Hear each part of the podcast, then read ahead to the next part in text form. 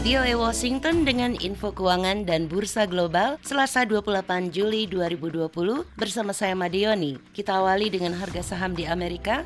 Indeks Dow Jones naik 114 poin menjadi 26.584. Indeks S&P 500 naik 23 poin menjadi 3.239. Indeks Nasdaq naik 173 poin menjadi 10.453.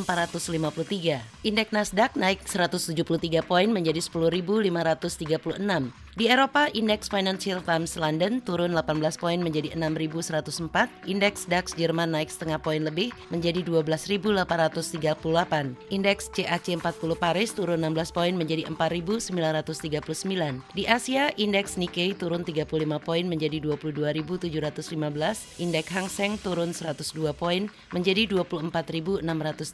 Berikut nilai tukar dolar Amerika di New York terhadap beberapa mata uang utama lainnya. 1 dolar Amerika bernilai 0,85 euro dan 103,3 yen Jepang. Sementara pound sterling Inggris dijual di New York seharga 1,29 dolar dan 1 dolar Amerika sama dengan 14.568 rupiah. Sementara itu harga beberapa komoditas kunci pada penutupan pasar di New York untuk pengiriman mendatang sebagai berikut. Harga minyak mentah WTI pengiriman bulan September naik 32 sen menjadi 41 dolar 61 sen per barel. Harga emas naik 32 dolar 60 sen menjadi 1957 dolar 80 sen per troy ounce. Harga tembaga naik kurang dari 1 sen menjadi 2 dolar 90 sen per pon. Harga kakao atau biji coklat naik 62 dolar menjadi 2.286 dolar per ton. Harga kopi naik 2 sen menjadi 1 dolar 10 sen per pon.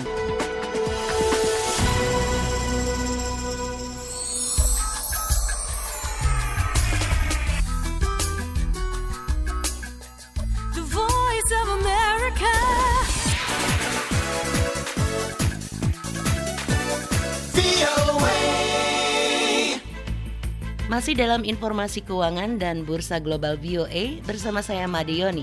Emas hari Senin melonjak ke rekor tertinggi karena investor bergegas mencari komoditas yang aman di tengah kekhawatiran akan meningkatnya ketegangan Tiongkok Amerika, melonjaknya infeksi virus, dan absennya kemajuan RUU stimulus baru di Washington. Analis dari perusahaan kajian spekulasi ekonomi SpreadX, Connor Campbell mengatakan emas selalu menjadi indikator adanya masalah. Harga emas hari Senin terus naik dan komoditas yang aman ini menjadi sangat menarik setelah akhir pekan yang mengkhawatirkan terkait COVID-19 diikuti berita utama mengenai hubungan Amerika-Tiongkok. Melemahnya dolar ikut menjadi faktor naiknya harga emas setelah langkah-langkah pelonggaran moneter yang diberlakukan Bank Sentral Amerika merusak kepercayaan pada dolar. Harga emas mencapai titik tertinggi sepanjang sejarah 1.944 dolar per ons jauh di atas rekor sebelumnya yakni 1.921 dolar pada 2011. Harga emas kemudian menurun sedikit. Hubungan antara kedua negara adik kuasa mengalami kemunduran setelah misi diplomatik Amerika di Chengdu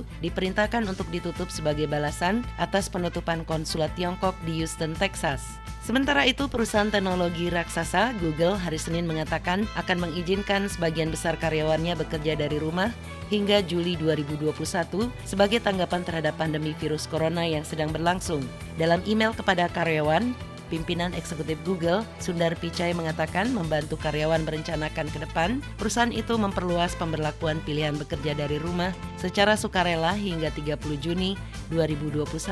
Kebijakan ini diberikan untuk tugas-tugas yang tidak memerlukan kehadiran fisik di kantor. Harian Wall Street Journal yang pertama kali melaporkan berita itu mengatakan, hampir semua dari ke 200 ribu karyawan dan kontraktor Google di seluruh dunia diperbolehkan memanfaatkan peluang itu, yang sebelumnya ditetapkan akan berakhir pada bulan Januari. Keputusan itu bisa menjadi indikator diberlakukannya kebijakan serupa oleh perusahaan teknologi lainnya dan juga bisnis besar di tengah meningkatnya kekhawatiran dengan resiko pemulihan ke situasi normal di tempat kerja. Beberapa perusahaan teknologi berharap membuka kembali kantor mereka secara bertahap dalam beberapa bulan mendatang. Sementara itu, Twitter mengatakan akan mengizinkan semua karyawannya melanjutkan pekerjaan dari jarak jauh tanpa batas waktu.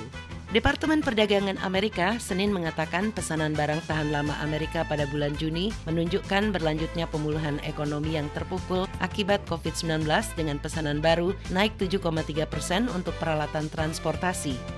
Transaksi bisnis senilai 206,9 miliar dolar yang terjadi sejak bulan lalu menyusul lonjakan pesanan baru pada Mei setelah pembuat mobil dan pembuat pesawat Boeing di Detroit memulai kembali produksi. Seperti pada bulan Mei, pertumbuhan yang lebih baik dari perkiraan dalam permintaan barang-barang manufaktur yang sempat turun akibat virus corona pada bulan Maret dan April didorong oleh pesanan di sektor transportasi yang tumbuh 20% atau 9,2 miliar dolar. Kendaraan bermotor dan suku cadang menopang pertumbuhan itu dengan pesanan baru naik 85,7 persen dan pengiriman meningkat 83,1 persen. Namun menandai berlanjutnya kesulitan yang dihadapi Boeing, pesanan baru untuk pesawat non-pertahanan merosot minus 462,3 persen karena pelanggan membatalkan pesanan. Di luar transportasi, pesanan baru naik 3,3 persen sejalan dengan perkiraan analis. Demikian informasi ekonomi VOA Washington. Jika ada pertanyaan mengenai informasi ini, Anda bisa mengirim email ke voaindonesia at voanews.com. Saya Madioni, VOA.